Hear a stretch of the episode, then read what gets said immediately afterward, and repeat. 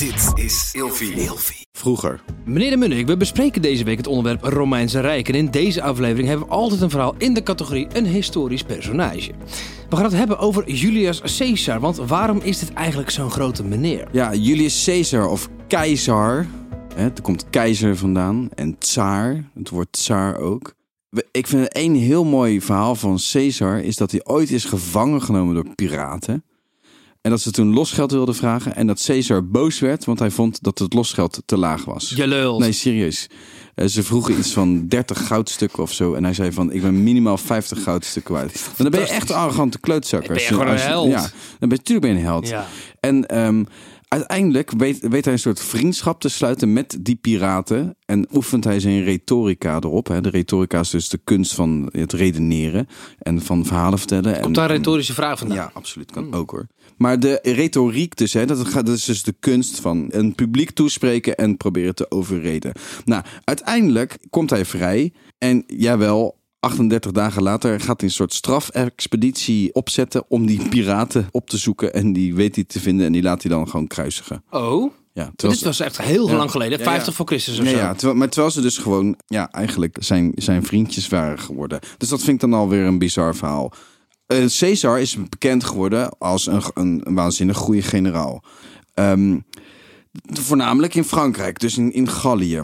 Eh, Frankrijk was een, een, een deelgemeente van het Romeinse Rijk. En er waren wat opstandige volkeren. Denk maar aan Asterix en Obelix. Die waren daar natuurlijk gewoon Romeinen uit hun panty aan het slaan. Hè? Zoals je in die film, en dan komt gaat Obelix gaat dan een beetje zo Ja, ja. om zich heen Dat slaan. en dan zie je, zie alleen maar eh, nog eh, van die, van die sandalen blijven staan. Dit is toch zo'n historisch verhaal over zo'n brug?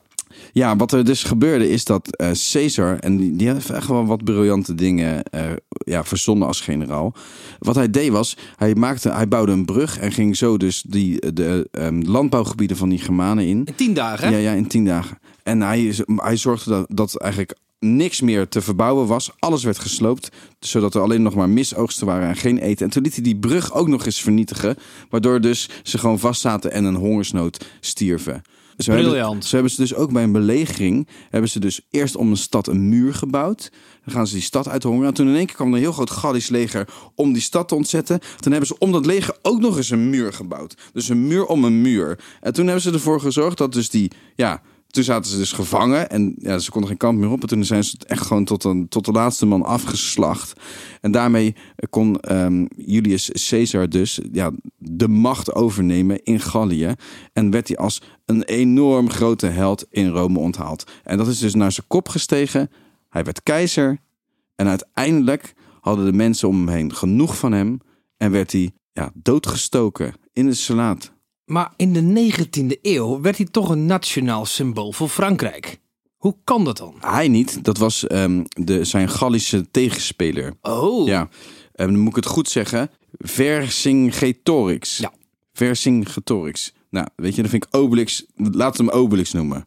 Obelix, die kwam dus voor Frankrijk op, voor Gallië. En uiteindelijk moet hij dus toch zijn wapens aan de voeten van Caesar werpen. En zich gewonnen geven. precies. Toch is hij dus Obelix, Meneer V. meneer V, eh, een nationaal symbool voor Frankrijk. Omdat het staat voor verzet tegenover tirannie. Ook al verlies je, je bent een held. Ja, absoluut. Tot morgen.